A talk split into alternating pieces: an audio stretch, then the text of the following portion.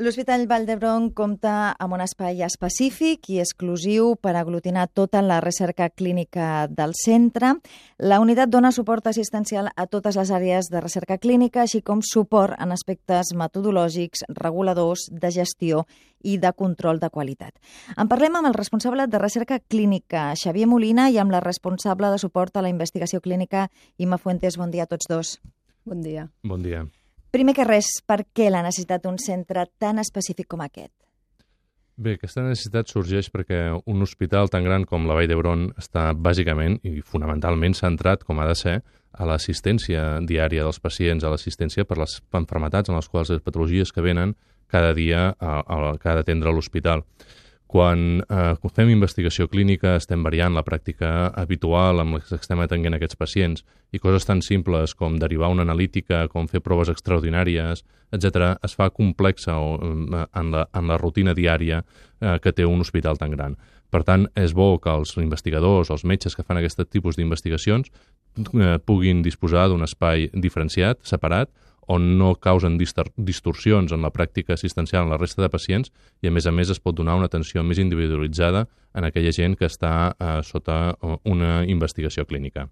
Perquè, perquè eh, quedi molt clar, el que es fan són assajos de nous medicaments amb voluntaris, amb pacients voluntaris, que, que no té res a veure, per entendre's, a, amb el dia a dia de l'hospital, amb els pacients que van a consulta o van a tractar-se. Efectivament, és una, és, són proves amb fàrmacs nous o amb noves indicacions de fàrmacs, noves combinacions, etc que ens fan avançar el nostre coneixement eh, sobre eh, eh, com tractar una enfermetat, com millorar la qualitat de vida d'un pacient, però evidentment són coses que estan fora de la pràctica clínica habitual d'un investigador, d'un metge o de la pràctica assistencial. I quan és la idea d'un centre d'aquest tipus? Quina és una mica la història d'aquest centre? Home, la recerca a l'Hospital de la Vall d'Hebron és, és ve d'anys i fa molts anys. És un dels centres, podríem dir que és quasi dels primers centres a, al nostre país i un centre punter en la recerca clínica, però mai hi ha hagut, com explicava el Xavier, un espai específic per poder facilitar aquestes qüestions. Uh, podem dir que darrere, potser en els últims cinc anys, hi ha hagut un, un interès i un, i un recolzament per part del, dels ministeris, especialment del Ministeri de Sanitat, també de l'Institut de Salut Carles III, de uh, donar suport a, a institucions per poder facilitar que aquesta recerca clínica es porti a terme, per poder, jo diria que facilitar no només a la recerca de nous fàrmacs que tenen més interès a lo millor les grans indústries farmacèutiques, sinó també a que els investigadors tinguin idees que sorgeixen de la pròpia pràctica assistencial, que és el dia a dia, i que necessiten tenir una resposta. Llavors, amb aquesta necessitat i la, podríem dir el recolzament de les institucions, va sorgir la, la possibilitat de tenir aquest, uh, o sigui, de fer una sol·licitud per fer aquest, aquest espai específic. Per fer-nos una idea d'aquest espai, que ocupa crec que més de 600 metres quadrats, què hi trobem en aquest nou centre? Podem fer com un recorregut visual. Sí, primer, quan, quan, quan entrem, tenim, evidentment, una recepció on els pacients eh, eh, que, que venen eh, són dirigits allà on els hi correspongui. Eh, tenim eh, nou Uh, nou, set, set, set consultes, set consultoris per fer el seguiment dels pacients. Eh? Tenim una àrea per enfermeria, per poder fer les extraccions, infusions de medicació, etc específica també. I després aquesta seria la part, eh, bàsicament la part que està oberta al públic, eh? la part on els pacients o la gent externa veurà habitualment, perquè després l'altra meitat és una part eh, tancada, que no, no, la gent habitualment no hi té accés, on tenim el, el, el, el laboratori pel tractament de totes les mostres biològiques, els magatzems i també a la part d'oficines on hi tenim uh, l'Academic Research Organization i on hi tenim uh, la part més administrativa del, de, de, de la instal·lació. Però sí, hi ha dues parts, que una part és d'accés públic i l'altra part serà d'accés del personal més especialitzat.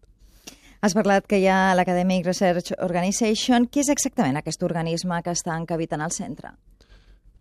A veure, la, per fer la recerca eh, existeix tota una legislació, una normativa, unes recomanacions mm, internacionals que, eh, que una mica van tot dirigides a verificar i a, mm, podem dir, jo, jo diria que assegurar de que aquella recerca es fa amb unes condicions òptimes, òptimes de protecció dels pacients.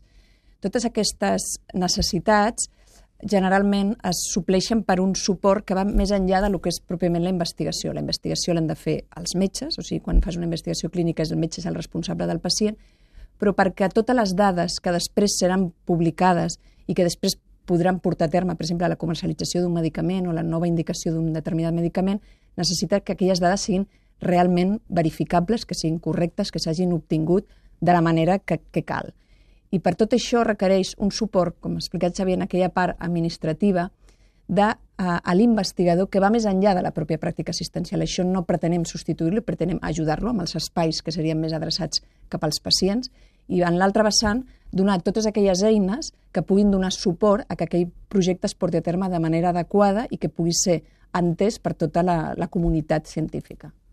La recerca passa per moments complicats a causa de la crisi. Aquest centre és específic en recerca. Com millora la investigació eh, el fet de comptar amb un espai exclusiu com aquest? És a dir, en què hi pot ajudar?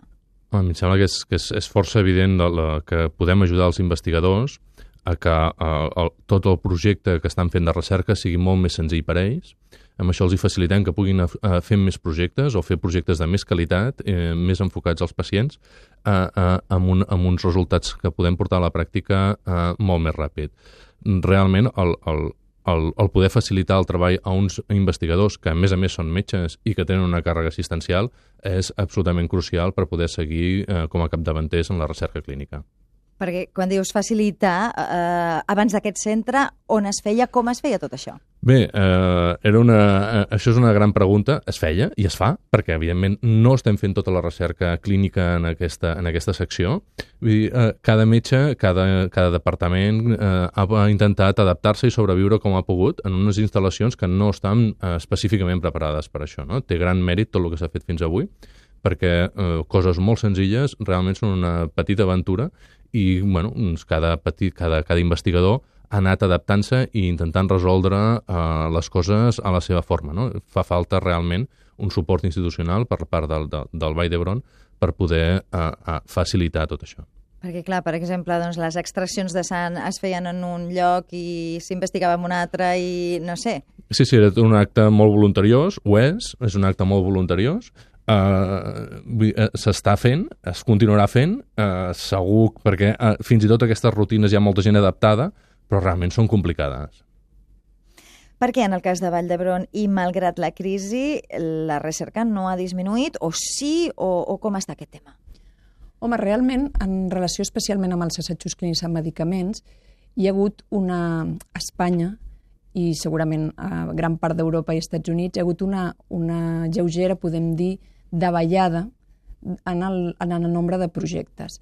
És veritat que potser a, a nivell de l'Agència Espanyola del Medicament, que és, podríem dir, qui té les responsabilitats d'autoritzar tota aquella recerca en nous medicaments que es fa a Espanya i en medicaments també autoritzats, podem dir que en els darrers anys ha patit una, una lleugera davallada, potser un estancament, però la veritat també hem de dir que l'Hospital Vall d'Hebron ha mantingut aquesta recerca amb, amb un nivell constant, amb els anys anteriors havia hagut un augment espectacular i probablement amb els darrers dos anys que tothom pateix una davallada s'ha mantingut i inclús ha augmentat una miqueta.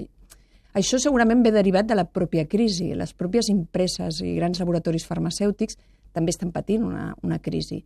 I això ha, comportat a potser centralitzar o seleccionar molt els centres on es fa la pròpia recerca. Ells, per exemple, per fer un assaig clínic, de vegades seleccionaven 40 centres a Espanya, això és molt costós, d'una gran infraestructura. Llavors, jo crec que ara, i nosaltres hem, hem patit potser aquesta selecció en el, en el bon sentit, o sigui, ens han vingut mm, a veure molts laboratoris farmacèutics per intentar veure com podem facilitar des de l'hospital la realització d'aquells assajos clínics per aquells, eh, podríem dir, promotors que realment veuen la necessitat de reduir la selecció de centres i aquest jo crec que és un motiu important pel que crec que la recerca a Vall d'Hebron es manté o fins i tot ha augmentat. Parlem de xifres. Quants assajos i quants pacients calculeu que passaran pel centre al cap d'un any? Actualment en tot el Vall d'Hebron hi ha uns 600 assajos o estudis clínics oberts. Eh, n'estem obrint de nous uns 200-250 a l'any. Eh, aquest any estem per complir aquesta, la mateixa xifra que l'any passat. Eh, hi deu haver-hi, exactament no t'ho puc dir, però uns 1.500 pacients en tot l'Hospital d'Hebron que estan en diferents estudis clínics i esperem que el, el, la nostra unitat acabi gestionant entre el 40 i el 50% de la, de, dels pacients eh, i, i assajos que hi ha a la Vall d'Hebron. I ja per acabar, tot això imaginem que ha suposat una inversió important.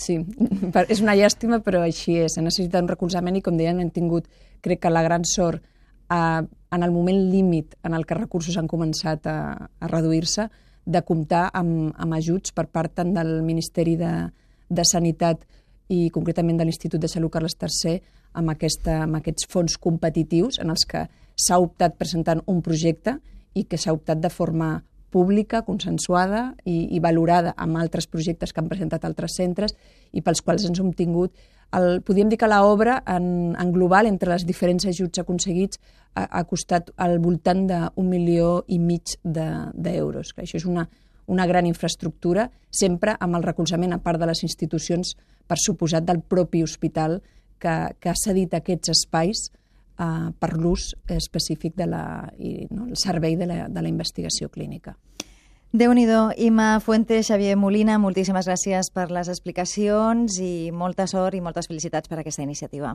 A vosaltres. A vosaltres.